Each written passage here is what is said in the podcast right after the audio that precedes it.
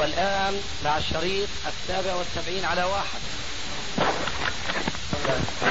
مثلا الليرة السورية ألف هون فيها الريال مثلا السيارات فكان السيارة منه 10000 ريال بس أخذوا منه بقيمته السنة الماضية أخذوا سوري السنة الماضية كان كانوا ب 30 كانوا ب 30 شو كان 30 يعني 30000 ليرة ليرة سوري. كانت 10000 آه إيه. هو قبض منه هذا اللي زيه قبض منه قبض منه سوري. بس كتبوا بالورقة انه على أساس انا رجعنا بعد سنة. 10000 ريال. يعني الدفع بيكون بالريالات بالريال بالريال فكان اخذت منه ميراث 30000 إجت السنة هاي صار 60 وهذا ما تصرف فيه عنه 30 الضبان سألوا هذا الرجال قال له المبلغ اللي أخذته منه رجع اخذته لي رجعته لي هو يتولى الخسارة.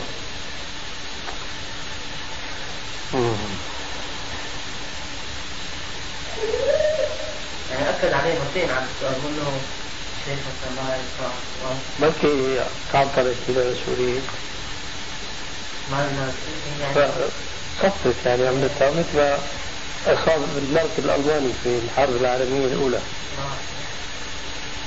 يعطيه كمان مبلغ شوي على حسب ما كتبوا لا يعني الكتابة أنا ما بعطيك جواب هلا عن الصورة هي لكن أنا بعطيك القاعدة. وعليها منطبق الجواب. مسبقا ما بيجوز بيجوز تطلع. وعليكم السلام وبركاته. يا أهلا مرحبا كيف حالك؟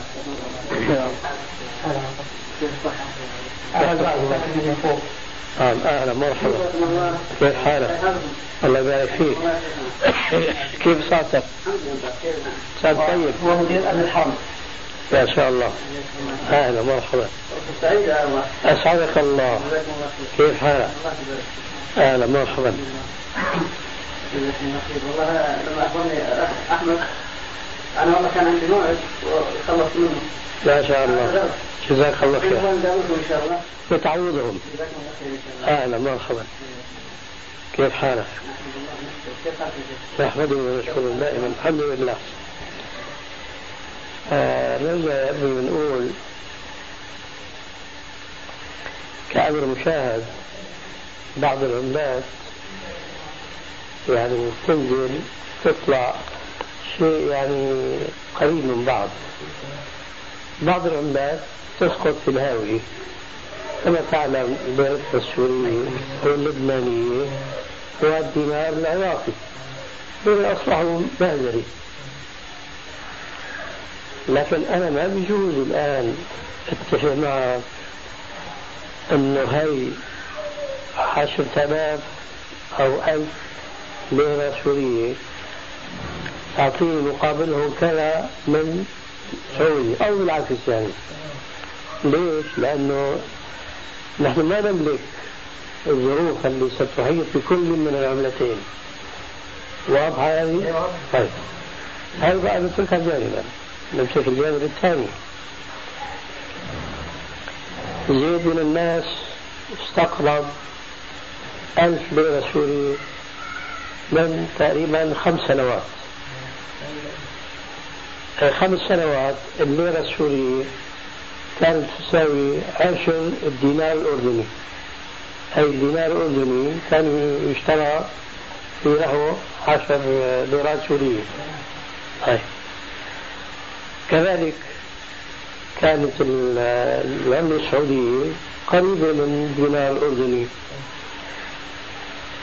راحت أيام إجت أيام ونزلت الليرة السورية كما تعلم. إجا الرجل المدين بيوفي ما عليه من ذمة. بعد خمس سنين أو أكثر تفضل. هي ألف ليرة سورية ادفعها هذا ما أعطاه ألف ليرة سورية. أعطاه ألف ليرة سورية شكليا. لكن ألف ليرة سورية تأثيرا واقعا لا ليس كذلك. وقل مثل هذا الليرة اللبنانية والدينار العراقي فحينئذ هذا المدين عليكم السلام. هذا المدين الذي كان ألف ليرة سورية ما بيبرر زمته إذا سلمها عينا بهجة على هذول الساقط منه. ولم يجي كلام السابق طيب بلكي تعطلت الأمر السوري بالمرة كما أصيب المارك الألماني في الحرب العالمية. يقول له هي ألف ليرة سورية ما بيشتري فيهم ولا كبريتي لذلك لازم يتراضى هو والدائم. المدين يتراضى مع الدائم فحتى تطيب نفس هذا الدائم لما يأخذه من الوفاء من هذا المدين وألا بيكون يعني ظلموا من جهة وبيكون من جهة أخرى سبب لعدم تشجع الناس لإقراض أموالهم للناس. يعني مثلا يسوي الخسارة بيناتهم إذا رضي الدائن يعني.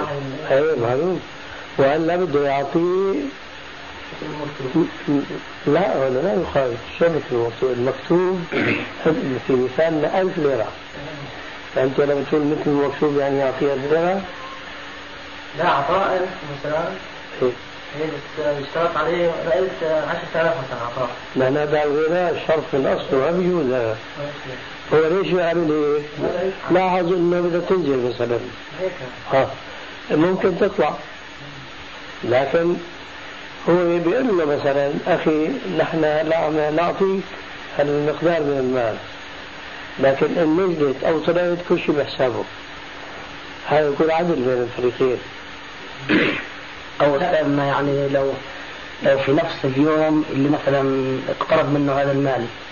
أنا ما بدي أنا ممكن بدي أضربه بالسعودي كم يطلع سعودي؟ لأنه بدنا مثلا العمله السعودية مثلا انها دائما ثابته اخذ سعودي لكن بالقيمة يطلع فيه الآن هاي. معليش لكن ما المشكلة. نعم. السعودي أو أي عمله في الدنيا مش قابلة تطلع وتنزل؟ نعم. طيب. هلا يعني مثل ما قال تعددت الأسباب والموت واحدة فنحن هلا بنقيم عملة سورية وبنحط عملة سعودية. أنا استقرت منك ألف ريال سعودي. إلى سنة. هل الألف ريال سعودي أصابه لا سمح الله ما أصاب الدينار العراقي. هذا بوفيك السعودية السعودية لا إذا لا تتأثر بالأسماء إنما تتأثر بالقيمة. هالعملة هي إذا حافظت على قيمتها فأخذ قرش واحد زيادة على ذلك هو ربا. مثلا لو تقدرت بالذهب. راح تجي ولذلك نحن نقول ما بيخلص من مشاكل المسلمين إلا أن يكون هناك نقد ذهب ونقد فضة. ثابت ثابت لأن العملات الورقية تتحول عليها. نعم. وأنا بقول دائما الورقة النقدية هذه ليس لها قيمة ذاتية. ورقة بقياس بياض ينتفع منها صاحبها يكتب عليها. أكثر ما ينتفع منها الورقة المطبوعة لكن قيمتها قيمة اعتبارية. فإذا القيمة الاعتبارية لظروف سياسية اقتصادية ما تعرف تغيرت فحينئذ المدين لازم يبرئ ذمته مع الدائن بحيث إنه ما يرجع الدائن هو الخاسر إذا كان لابد بده يخسر يخسر المدين أو لو اتفقوا على نسبة مثلا أن تعود من المقدار نسبة نزول الليرة أو الريال. هي يا سيدي نفسها نفس الشيء. هم الآن البنوك الآن قاتلهم الله بعضهم يعني يقول إنه هذه النسبة اللي نعطيها إحنا هي نعم. نزول لأنه ناظرين المستقبل أنه طلوع ما في هذا فهذا حل أنه يتراضى بينه وبين صاحب المال. نعم.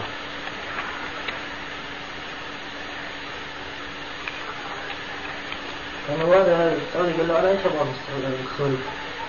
هو بين أنا السورية أنا ما أرجع للسعودية. وإيش يبغى من السوري؟ هذا رضي بعد الشرط هذا لكن نزلت لسه ما صرفوا لكن نشوف الليرة السعودية أو الريال السعودي. أنا بعرف الأردن كان قوي هلا نزل. لا نزل قال لا؟ نزل. آه، ارتفع أستاذ جديد. لما اشتريت ارتفع ها؟ الريال ارتفع قديش؟ يعني في نفس اليوم قبلها بيوم أنا كنت في نص قرش ارتفع هلا هون السيارات سيارات مثلا 23 مرتفعين كلهم بنص مرتفع نشوف من من عندنا. الين مرتفع والمارك مرتفع الربي أو اللي يسجل اللي يسجل اجلس عند جنب الشيخ أهلا مرحبا الله يمسيكم بالخير. جزاك الله بالخير وما صافحتنا إلا بنعوض جزاك الله خير. جزاك الله خير. الحديث اللي قال فيه الرسول عليه الصلاة والسلام يعني زي معناه آه، عرضت علي أعمال أمتي فلما أرى ذنب أو كذا أعظم من آه، شخص أو كذا تعلم آية أو سورة ثم فلا أدري هل هو عرضها الحديث يعني نسي أو كذا يعني نسي القرآن كليا مع السوره إنها صار. نعم. هذا الجواب من الناحية من الناحيتين. الناحية الأولى هي التي سألت عنها. والناحية الأخرى هي التي كان ينبغي أن تسأل عنها قبل الأولى. مفهوم إلى هنا الجواب؟ الجواب نعم. عن سؤالك هذا من ناحيتين. نعم. الناحية الأولى هي التي سألت عنها. نعم. والناحية الأخرى هي التي لم تسأل عنها وكان الأولى أن تبدأ بها ثم تثني بالأولى عندك وهي الأخرى عندي. جزاكم الله خير. أخذ أنا ما ما عرفت بالنسبة للسؤال آه. جواب سؤالك هو على حد قوله تعالى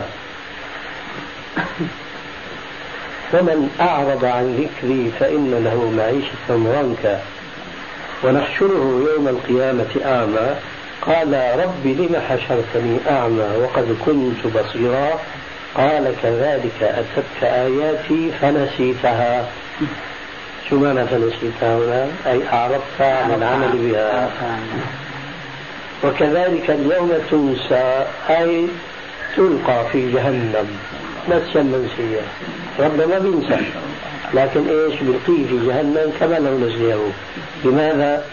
لأنه هو ترك وأعرض عن العمل بالآيات التي جاءته. فإذا المقصود بالنسيان في حديثك هو المقصود بالنسيان في الآية. أي ترك العمل بما تعلم من آيات القرآن الكريم. هذا الجواب عن سؤالك أما الذي كان ينبغي أن تسأل عنه هو أن تبدأ دائما وأبدا وخذها قاعدة هذه ونصيحة مني إليك. بل وإلى كل مسلم. جزاك الله. إذا أردت أن تسأل عن حديث إيش معناه إيش حكمه إيش فقهه قبل كل شيء سل هل حديث صحيح أم لا؟ آه. فإذا كان حينئذ غير صحيح فيأتي المثل العام عندنا في سوريا هذا الميت لا يستحق هذا العزاء جزاك الله خير نعم. حديثنا هذا ضعيف وهو صحيح. ضعيف شايف كيف؟ هذا ينفتح منه آه جزاك الله خير. الحمد لله. والله والله عمل عندي يعني الحقيقة. آه يعمل أنا والله خوفه. لأن الإنسان ينسى. كما قال الرسول عليه الصلاة والسلام أن اخذ تخلصا من الابن تخلصا نعم صحيح. هذا جزاك الله خير وفهمت طيب فيه إسبال في الثياب الإسبال في الثياب برضه ورد فيه حديث يعني. آه في حديث ترغيب شديده نعم. اذا كيف درجة الحديث هذا؟ آه في أحاديث انت تعني حديثا معين؟ الاسبال في من جر ازاره خيلاء خيلاء نعم. لا سؤالك؟ تقول كيف؟ إيش يعني؟ اولا درجة الحديث. هو احسن بارك الله فيك. اخذت نصيحة جزاك الله خير نعم. أحسن.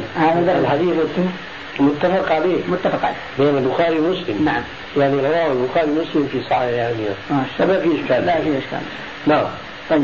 الإسبال. هل لبس الثوب لبس الثوب طبعا هو نعم من جر إزارة خيلاء هو ربطها بالخيلاء. من لم يتخيل مثلا في جر إزارة؟ هل ينال هل وعيد؟ فهمت عليك. آه إسبال الإزار لا يجوز بأي حال من الأحوال. إسبال الإزار نعم. لا يجوز بأي حال من الأحوال. لكن آه كما قيل حنانيك بعض الشر أهون من بعض. نعم. إسبال الإزار بدون خيلاء شر. وإسبال الإزار مقرون بالخيلاء أشر كلاهما شر لكن بعضه أشد من بعض. كثير من الناس بمقدار ما ربنا أعطاهم من علم من فهم إلى آخره يتوهم أن إسبال الإزار إذا لم يكن مقرونا بالخيلاء كما جاء في الحديث ليس فيه شيء لأنه يقول الحديث يقول من جر إزاره خيلاء. جوابنا على هذا أن هذا الكلام أو هذا الفهم كان يمكن أن يكون صحيحا وأن أي إسباب لم يقترن معه الخيلاء ليس فيه شيء. لو لم يكن في هذا الباب إلا حديث من جر إزاره خيلاء لكن عندنا أحاديث أخرى. هذه الأحاديث الأخرى تعطينا المعنى الأول هل هو أهون شرا من الآخر؟ وهو مجرد إطالة الثوب ما دون الكعبين. بدون ذكر خيلاء فهو شر يستحق صاحبه النار. لكن ذاك أشر آه. والدليل على هذا. أولا في عندنا حديث ثابتة عن بعض الصحابة ومنهم حذيفة بن اليمان رضي الله عنه أن النبي صلى الله عليه وسلم قال إجرة المؤمن إلى نصف الساق فإن طال فإلى الكعبين فإن طال ففي النار. الله. يعني ما نزل عن هذا كعب. أيوه. أي نعم. نزل عن هذا. ففي النار. إذا هذا الحديث يضع نظاما للمسلم الذي يريد أن يكون مرضيا عند الله عز وجل يقول له الرسول الإزار لك في المرتبة الأولى أن يكون طوله إلى نصف الساق هذا هو الأفضل. لا بدك تطوله كمان شوي لا بأس. إلى ما فوق الكعبين. فإن طال ففي النار. هنا ما ذكر خيلاء واضح الكلام؟ هنا ما ذكر خيلاء هنا ذكر نظاما للمسلم كيف ينبغي أن يكون لباسه جلابية قميص عباءة أي شيء كان بنطلون اللي تريد به الشباب نعم. إلى إلى نصف الساق فإن طال فإلى الكعبين. فإن طال ففي النار. عندنا حديث آخر وعظيم جدا. رأى الرسول عليه السلام رجلا من أصحابه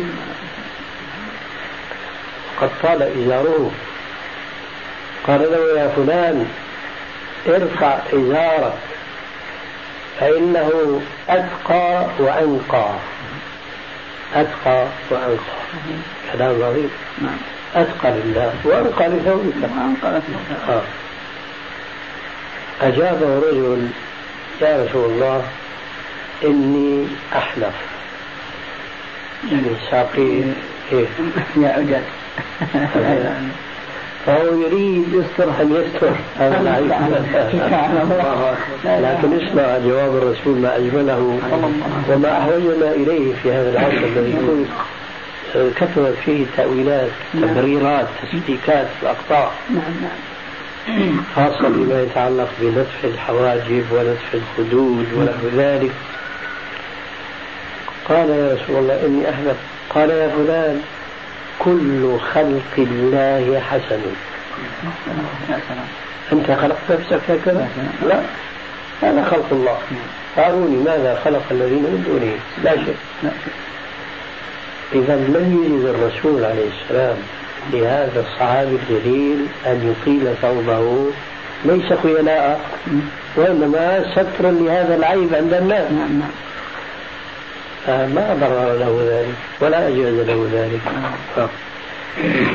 إذا إفادة الإزار ما دون الكعبين شر وأشر. شر لأنه خالف المنهج النبوي الذي وضعه المسلم نعم. إلى نصف الساق. فإن طال فإن الكعبين فإن طال ففي النار. لكن إذا اقترن معه شيء من الخيلاء لا ينظر الله إليه يوم القيامة ولا يزكيه وله عذاب أليم. لك أيضا هذا إن شاء الله. أهلا مرحبا الله وإياك. الحمد لله الحمد لله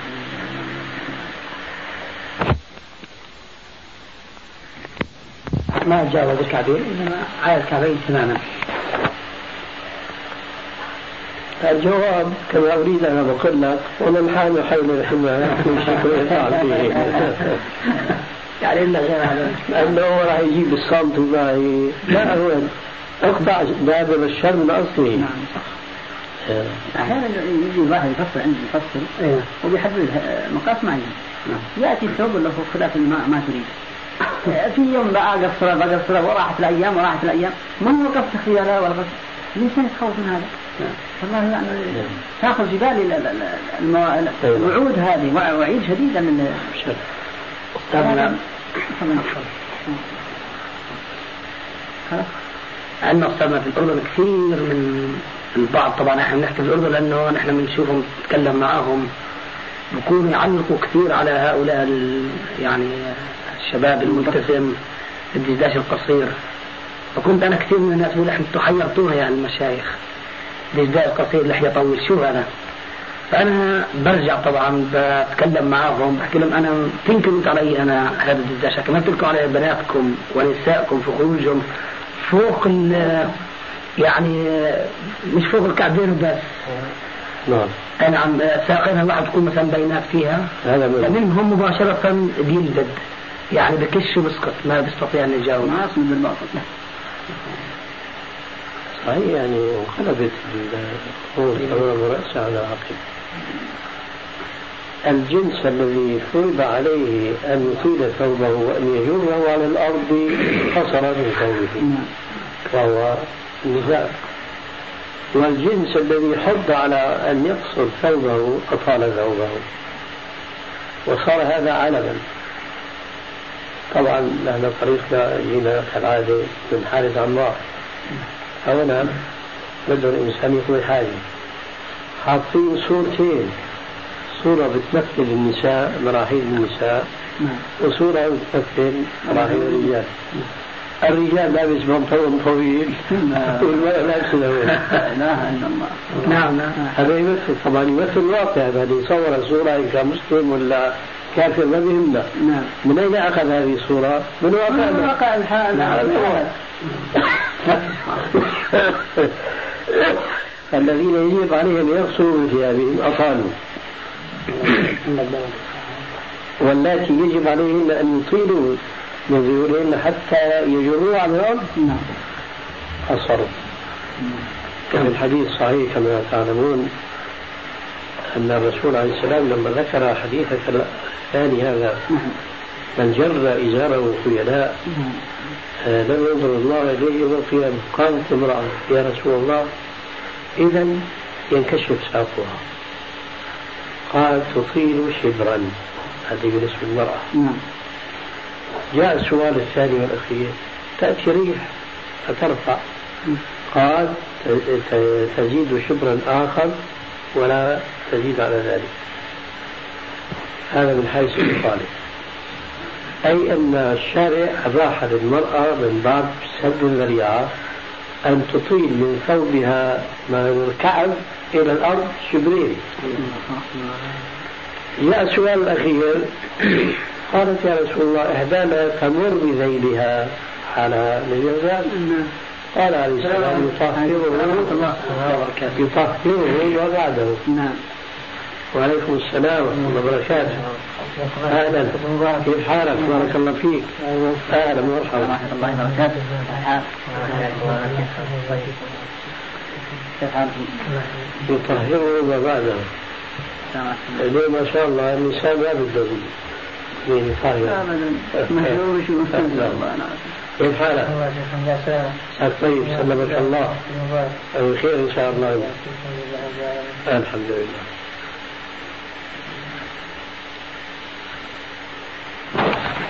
بالنسبة للاستراحة يا شيخ الصلاة. نعم. في غرفة الثانية. نعم.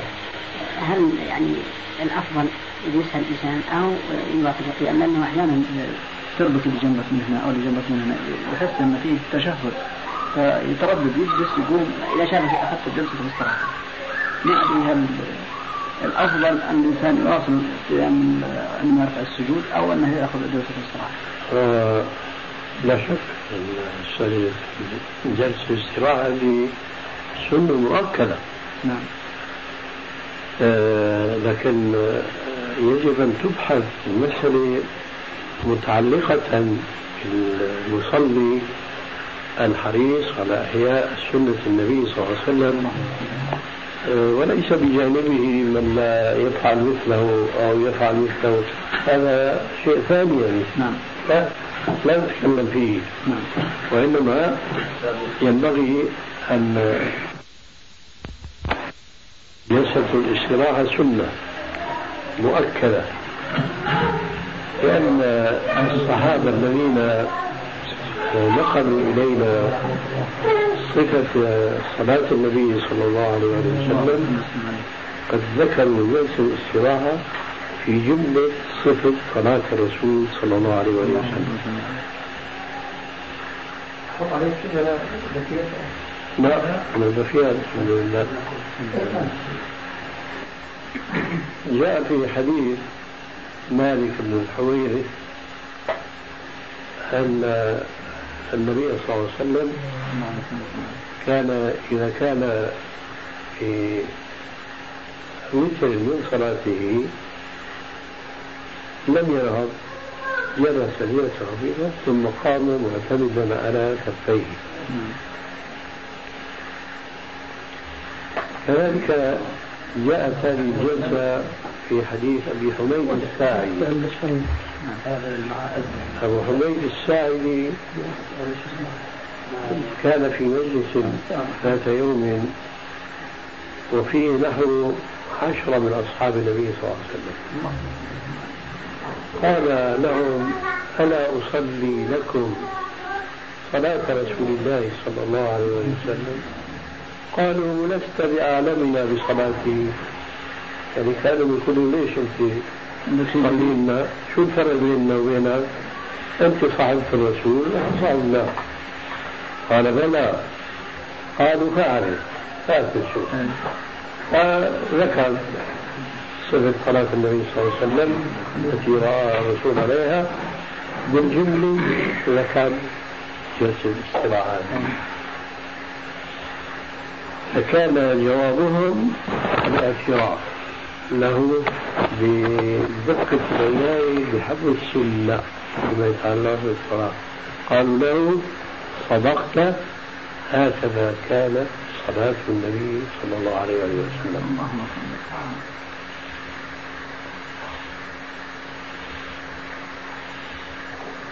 هذه الصفة مع الأسف لم يقل بها جميع الأئمة المعروفين والمتبعين وجماهير المسلمين نعم. كأبي حنيفة مثلا. ف...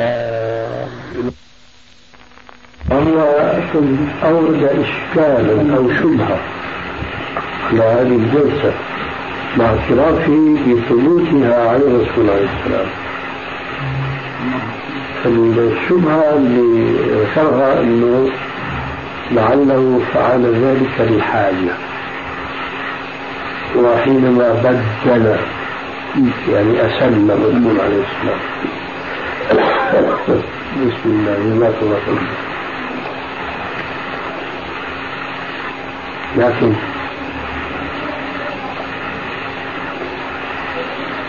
صحابة الرسول الله الله خير الشيخ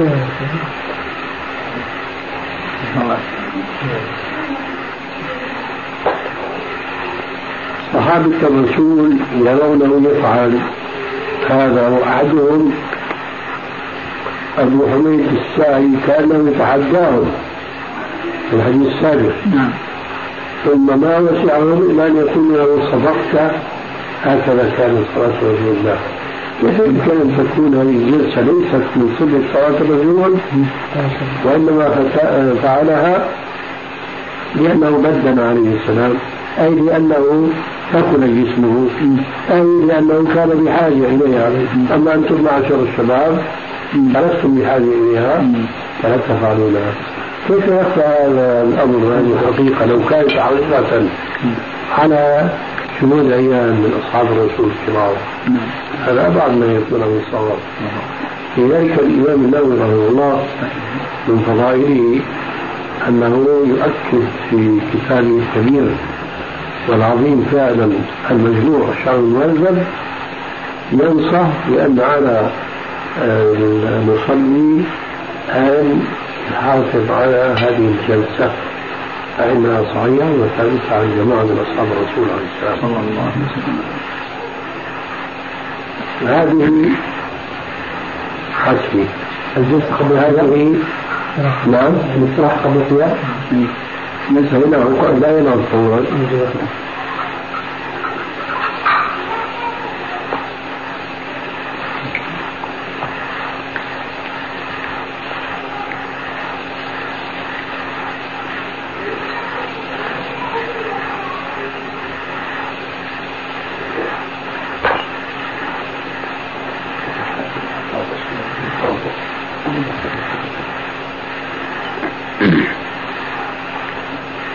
هذه الجلسة ضد هذه وهذا أنا حسبي قلته آه يفعلها المصلي إذا صلى لوحده أو صلى إماما. أما إذا صلى مقتديا بالإمام وهو لا يجلس يسري الصلاة يتابعه هذا هو وهذا الذي أنا أردت أن أقصر الكلام لأن أحيانا شيخ لا يعلم الإنسان إذا صار في الإمام إذا كان الحرم أو المسجد لو قلت ربما لا يعلم. قلت العبارة صحيحة. أما لا يعلم؟ أو ربما لا يعلم. يعني من الحرم يكون صفوفها كثيرة فيها قليل لذلك قلت لك لو قلت ربما لا يعلم لكن لابد أن يعلم ليش لأنه في يوم من الأيام ممكن يكون قريب منها وكذا بيعرف صفه صلاته انه بيصلي هكذا فيبني على أنه إيش؟ يأخذ جلسة الاستراحة أو لا. ياخذ أيوه. شوف بارك الله فيك. نضرب مثال واضح جدا. لابد أنك صليت مرة أو أكثر. وراء إمام ما. فرأيته بأنه يجري جلسة الاستراحة ومئات الصلوات. صليتها بعيدا عنه. لا تراه. أنت تراه وما تراه. أنت في هذه الصور الأخيرة هذه التي أنت تصلي بعيدا عنه أنت تراه وما تراه. أي تراه رؤية علمية. نعم. لا تراه رؤية بصرية. لأنك عرفت من الأيام الأولى السابقة حينما كنت تتمكن من الصلاة خلفه لأنه يجب الصلاة. فإذا أنت لو صليت في الصفوف الآخرة أن تفعل فعله لأنك تعلم أنه يأتي بهذه السنة. ولذلك الشبهة هذه ما هي مشكلة يعني؟ يقال للإنسان افعل بما تعلم. افعل بما تعلم. إذا كنت تعلم أن هذا الإمام يجلس هذه الجلسة أفعلها. وإذا كنت تعلم أنه لا يجوز فدعها وتابعه. تجي الصورة الثالثة والله أنا ما أدري هذا يفعل أو لا يفعل لأنه ما رأيته الرؤية السابقة ما رأيته. حينئذ حافظ على السنة حتى يتبين لك أن ما يعجبك بأن تترك هذه السنة حتى لا تبين واجب متابعة السنة.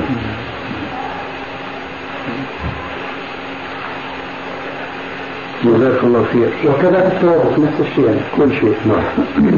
بسم الله. بقى فيها موضوع واحد وهو عندما هذه ليست إشارة قولوا كموضوع واحد. موضوع ما هي إشارة لا لا لا. ما هي إشارة صحيح. وأنا ليش أنا أتهرب من موعد لأن علشان أكتب هالظروف الحالية اللي ما بدها أنا قرأت عنه مؤلفات جزاكم الله خير الشيء الكبير. بس. والحمد لله. والحمد لله إنك قابلتك أحيانا بيان الحمد لله. في وضع اليد على الصدر. صدر الاخذ والرد فيها. عندما نقول الله اكبر من في وضع اليد على الصدر. آه. اليد- اليدين على الصدر. ما لي شو الثابت في هذا؟ الثابت عن الرسول عليه الصلاة والسلام. ما في شيء ثابت؟ ما فيش ثابت؟ نعم. المسألة الحقيقة يا أخ فيها فيها دقة. نعم من دقتها أن بس. النصوص الشرعية تنقسم إلى نص عام وإلى نص خاص. هذا الكلام يفهمه طلاب العلم. مثل ناسخ ومنسوخ مطلق ومقيد هذا من علم الفقه أصول الفقه. يا الله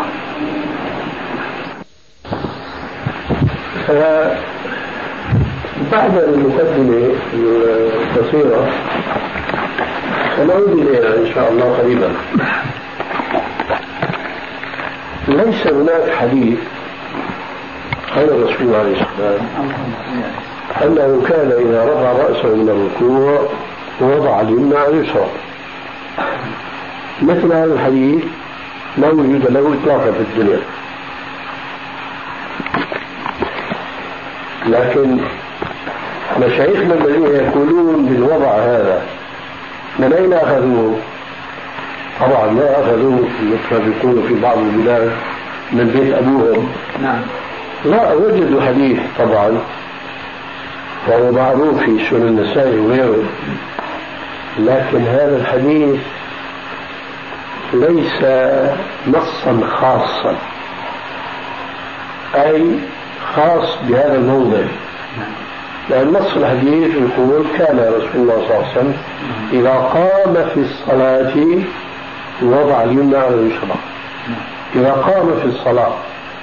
قام في الصلاة ممكن يكون قيام الأول قبل الركوع ممكن يكون قيام الثاني بعد الركوع. ومن هنا يأتي الآن الدقة في الموضوع. يا ترى هذا الراوي الذي هو في الأعلى وائل بن حجر اليماني أو الراوي عنه اللي هو آه، كليب والد عاصم أو ابنه عاصم؟ لأن هذا هو الطريق الذي ليس له طريق آخر. ترى هذا الراوي أو ذاك أو ذاك لما قال كان رسول الله إذا قام في الصلاة. هل على هذا له أي في القيام الأول القيام الثاني؟ هنا موضع النزاع. واضح؟ هنا موضع النزاع. مشايخنا الذين يقولون بالوضع يقولون النص عام. النص عام يعني يشمل القيامين وأنا بقول معهم في هذا كأسلوب عربي. كان إذا قام في الصلاة وضع. لكن الصحابة اللي شافوه ونقلوا صفة صلاته إلينا ما أحد منهم ذكر أنه عليه السلام وضع بعد الركوع. بينما الوضع قبل الركوع مذكور صراحة. وفي صحيح مسلم. ومسند الإمام أحمد. بل في مسند الإمام أحمد وغيره ما يمكن أن يقول الباحث المفكر لأن هذا العموم اللي قلنا أنه بيستدل بالعموم مش مقصوده. راوي الحديث الوائل أو من دونه. ما يقصد هذا العموم. لما؟ لأن في صحيح مسلم أن وائل بن حجر وصف صلاة الرسول عليه السلام كبر والتحف وضع اليمنى عليه الصلاة ثم قرأ ثم ركع. فرفع يديه كما فعل في المرة الأولى أي تكبيرة الأعراب. ثم ركع. ثم رفع رأسه. وقال سمع الله لمن حمده ورفع يديه مثل ذلك ثم سجد وبكاد يصف الصلاة. هنا ذكر رفع اليدين ثلاث مرات المرة الأولى عند تكبير الإحرام. المرة الثانية عند الركوع. المرة الثالثة عند رفع الرأس من الركوع. وفي كل من المرة الثانية والثالثة يقول كذلك يعني كما رفع في تكبيرة الإحرام. طيب ما بال لا يقول ثم وضع كذلك؟ لا يذكر. يعني لما يأتي في الحديث المفصل بما وصف به صلاة الرسول بكرر رفع اليدين وبكرر الوضع مرتين المرة الأولى قبل الركوع والمرة الثانية بعد الركوع. من هنا نحن نقول أن ذاك الحديث الذي أعطانا المعنى العام وشمل الوضع الثاني نقول هذا الحديث اقتطع من السياق الكامل الذي هو في مسند الإمام أحمد وله في صحيح مسلم لما فصل عما قبله وعما بعده أعطى المعنى الأكثر المعنى الوضع الثاني. بينما لما نشوف الجملة هذه في الحديث المطول المفصل ما في غير وضع واحد وهو القيام الأول. هذا شيء الشيء الثاني هناك قاعدة دقيقة جدا. ومهمة من الناحية الفقهية جدا وهي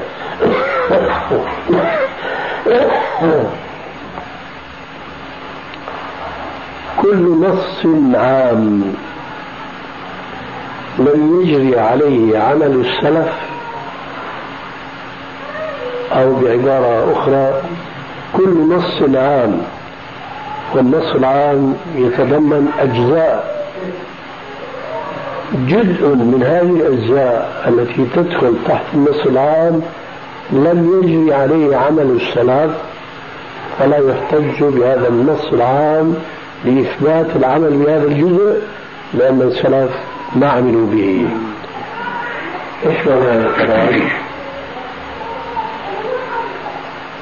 أمثلة كثيرة جدا لتوضيح هذا المثال نحن نقول الآن كان إذا قام في الصلاة وضع لما يسرى نص عام يشمل الوضع في القيام الثاني. لكن على ضوء القاعدة الثانية التي ذكرتها أنه جزء من أجزاء النص العام ما جرى به العمل فلا يعمل به الآن نقول هذا النص عام. جوابنا السابق كان مقتطع من النص الطويل المفصل.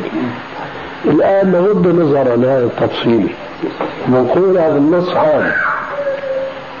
لكن النص العام الذي فيه جزء لم يجري به العمل لا يجوز العمل به إلا إذا عمل به السلف. فهل عندكم نص عن السلف الصالح من الصحابة والتابعين وأتباع التابعين ويدخل فيهم إمام من أئمة الأربعة المتبعين من المسلمين. أن أحد منهم قال بالوضع الثاني أو فعل الوضع الثاني. لا وجود لمثل هذا إطلاقا. إذا كيف لا يقول بإمام من أئمة المسلمين؟ ونحن يأتي في آخر الزمان ويكون هذا النص عام أضرب على مثالا الآن وهو كما يقال مثل وضع النقاط على الحروف وضع فيه إشكال أحيانا بيجي عندنا في المخطوطات كلمة بدون بدون تنقيط يقولون بدون إعجام وهي يزيد مثلا يزيد. نقطتين من تحت. ونقطة فوق الراء تقرأ يزيد. لكن أحيانا نراها غير معجمة مهملة يعني ما فيها نقطتين من تحت ولا نقطة من فوق. ممكن حينئذ أن تقرأ بريد بدل يزيد. ممكن أن تقرأ بريد. متى يزول الإشكال؟ لما نحط النقط. إما نحط نقطتين تحت ونقطة فوق. فقرأنا يزيد.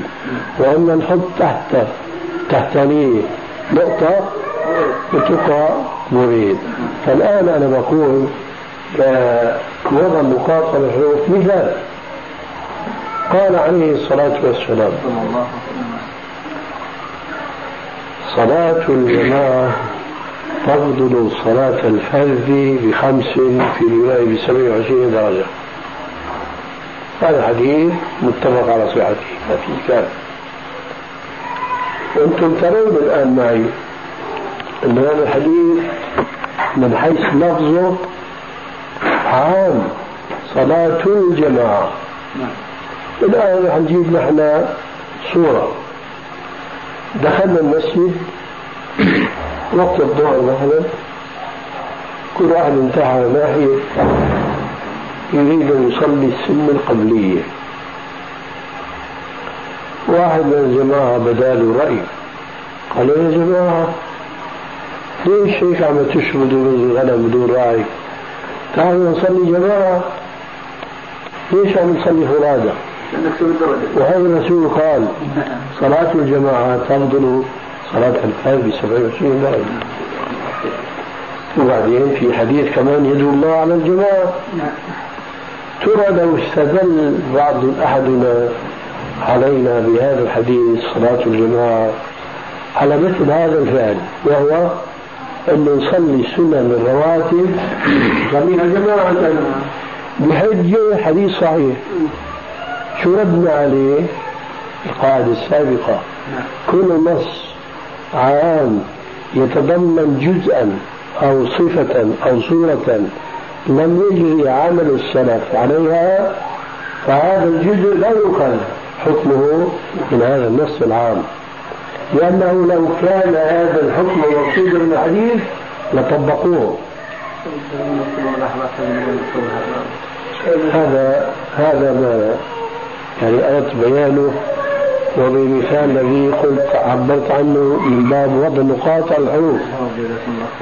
فصلاة الجماعة مثل كان إذا قام في الصلاة. صلاة الجماعة تشمل كل جماعة ومنها جماعة السنن. ليه نحن متفقين الآن والحمد لله أنه لا هي جماعة مشروعة؟ ما في عندنا نص أنه لا تصلي الجماعة. وما عندنا نص لا تضع في القيام الثاني. لكن عندنا مثل النص نعلم يقينا أن السلف ما صلوا هذه الجماعة. اللي صورتها أنا آنفا. من هنا نقول هذا الحديث الصحيح لا يدل على هذا الفرع على هذا الجزء لأنه لو كان خيرا لسبقونا إليه. كذلك هذا الوضع الثاني يدخل في عموم هذا الحديث لكن جرى به العمل كما ذكرنا آنفا. لا من صحابي ولا من تابعي ولا من إمام من المسلمين. وجرى عمل المسلمين هكذا كل القرون لا يضعون إلا في القيام الأول. فالآن أنا لا أراه صوابا أن نأتي إلى هذا النص العام ونقول هذا بدل أنه في الوضع الثاني أيضا في القيام الثاني لأن أقول هذا كذاك. أي لو واحد قال تعالوا نصلي جماعة أحسن ما نصلي فرادى ونقول له بدنا ما يدعمك من عمل السلف في هذا الفعل الذي فهمت أنت؟ ولا نحن في غنى عنه. هذا خلاصة ما عندي بالمسألة الله خير تفضل صحيح لا. وأنا حقيقه ما اخذت الحديث ولا ما ادري عن يقول فيه فراش لك وفراش لأهلك وفراش لضيفك ورباح الشيطان كيف هذا الفراش اللي ذكر الشيطان؟ هذا سهل هذا سهل فراش لك وفراش لزوجك وفراش لغيرك والرابع للشيطان. نعم. هذول الثلاثة ما عندك إشكال. لا ما في. صح؟ إيه. إذا الإشكال في الفراش الرابع. أي نعم. ها؟ هذا سهل الجواب عنه أي الفراش الزائد عن حاجتك وإنما تتخذه مفاخرة ومباراة هذا الشيطان. ويخرج من هذا أنك لو كنت كإبراهيم عليه السلام الذي كان لا يتغدى إلا ما يجمع حوله بعض الضيوف يعني ويأكل معهم فإذا كنت مطروقا في ذلك ولا يكفي فراش واحد لضيوفك أنت في الغالب مثلا يأتيك أربع خمسة من الضيوف. كل ليلة كل أسبوع كل شهر مش مهم يعني إليه فراش الرابع الذي هو للشيطان في الحديث ينقلب إلى حكم الفراش الثالث. لأنك اتخذته لحاجة الضيوف إليه. نعم. واضح هذا؟ أيضا الحديث يعني المقصود به صرف المسلم عن استكثار من التمتع بحطام الدنيا أن يكثر من ال- الألبسة ومن الفرش مباعاة ومفاخرة أما إذا كان لا يكفيك للضيف فراش واحد لأنه يأتيك أكثر من ضيف واحد. حينئذ يأتي قوله عليه السلام من كان يؤمن بالله واليوم الآخر فليكرم ضيفه. وليس من الإكرام في شيء أن مثلا إجاك الشيخ وفرشت له فراش وجاك طالب العلم قلت له نام في الأرض. هذا من إكرامه؟ لا. إذا ينبغي أن تأخذ له فراشا ثانيا هذا ليس للشيطان. واضح إن شاء الله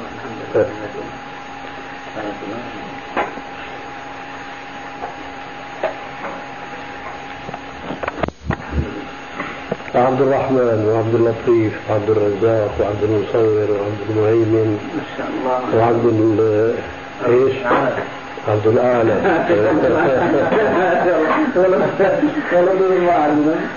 اما هذا فقد سميت محمدا فيشرع لولادته هنا نعم. ثم من التقادير الإلهية أنني كنت قابلته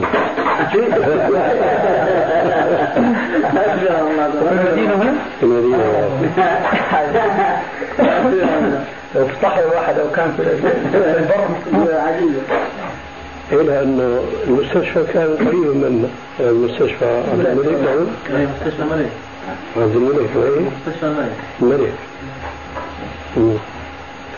لكن أنا أعرف من خلال المستشفيات ولا مبالاة بكشف العورات وكذا إلى آخره. طبقت زرعا وأثبت أن تضع في بيتي وأكون أنا القابلة. والله بيشبه الشيخ. ما الله اللهم اطعمني واطعمني واسقني سقاني طعامكم الأبرار نزل عليكم ما تشترون صائمون جزاكم الله خير هذه التمرات يا أبو معاذ. تبعت الموضوع ولا الحديثي؟ هذا الموسم الجديد. وهذا ثمن قصيم تقريبا؟ لا هذا هذا نعم. إيه. حولها كلام. أصبح حديث آه، آه، حديث التضحية بالجزع اي نعم. طبعا تكلمت عليه في الإرواء تعرفون يعني هيبة مسلم وكذا. نعم. وما أدري بالنسبة ل ل وهو بالعنعنة فعلا ذكرها الإمام اي نعم. ما أدري هذه الحافظ الذهبي كفانا. عليكم السلام. كفانا مؤنة البحث في هذه المسألة. حينما ترجم لأبي زبير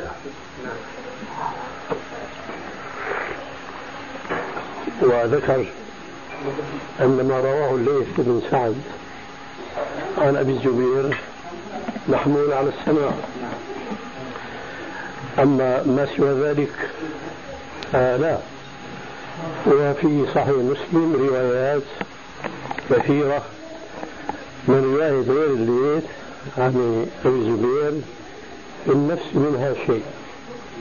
هكذا يقول الذهبي نفسه ثم الشيء الذي يبدو لدى الباحث أن العلماء المتأخرين والحفاظ المعروفين هم في الحقيقة يعني دائما يدندنون حول عنعنة ابن الزبير. لكن هذا حينما يكون الحديث خارج الصحيح خارج صحيح مسلم. نعم. لكن الواقع أن ذاك الباحث لا تطمئن نفسه فعلا آه، ولو كان الحديث المنعان من قبل الزبير في صحيح مسلم. لأن القاعدة واحدة. وهم الذين وضعها. هم الذين وضعها. القاعدة واحدة. ولذلك إن لم يوجد الحديث الذي رواه أبو الزبير معنعنا شاهد يمكن أن يركن إليه الباحث فيقوي به حديث أبي الزبير معنعن إذا لم يوجد شيء من هذا فتبقى النفس غير مطمئنة لنسبة الحديث هذا المعنعن إلى النبي صلى الله عليه وسلم لأنه حديث الرسول صلى الله عليه وسلم ويجب على المسلم أن يحتاط فيه وأن لا يروي ما لم تطمئن نفسه إليه. هذا الذي نراه ونعتقده والعلم عند الله. والحقيقة يقال هذا ليس فيه تنقص مسلم بل فيه رفعة لعلماء أهل الحديث لأن ما في تقليد عنه إنما هي قواعد وضعوها. والحمد لله. على الجميع والحمد لله. لكن دار القطني ما تناولها. في في ملاحظاته في التزامات الفتوى. أنا في الحقيقة ليس لي عندي دراسة في هذه لا. نعم هو الحقيقة عن الشيء اللي خلانا بينا للطلاب في الكلام اللي في أن هناك حديث أخرى تعارض حديث و- وما في ح- ينكدر من هذه المشكلة. إلا أن يقال هو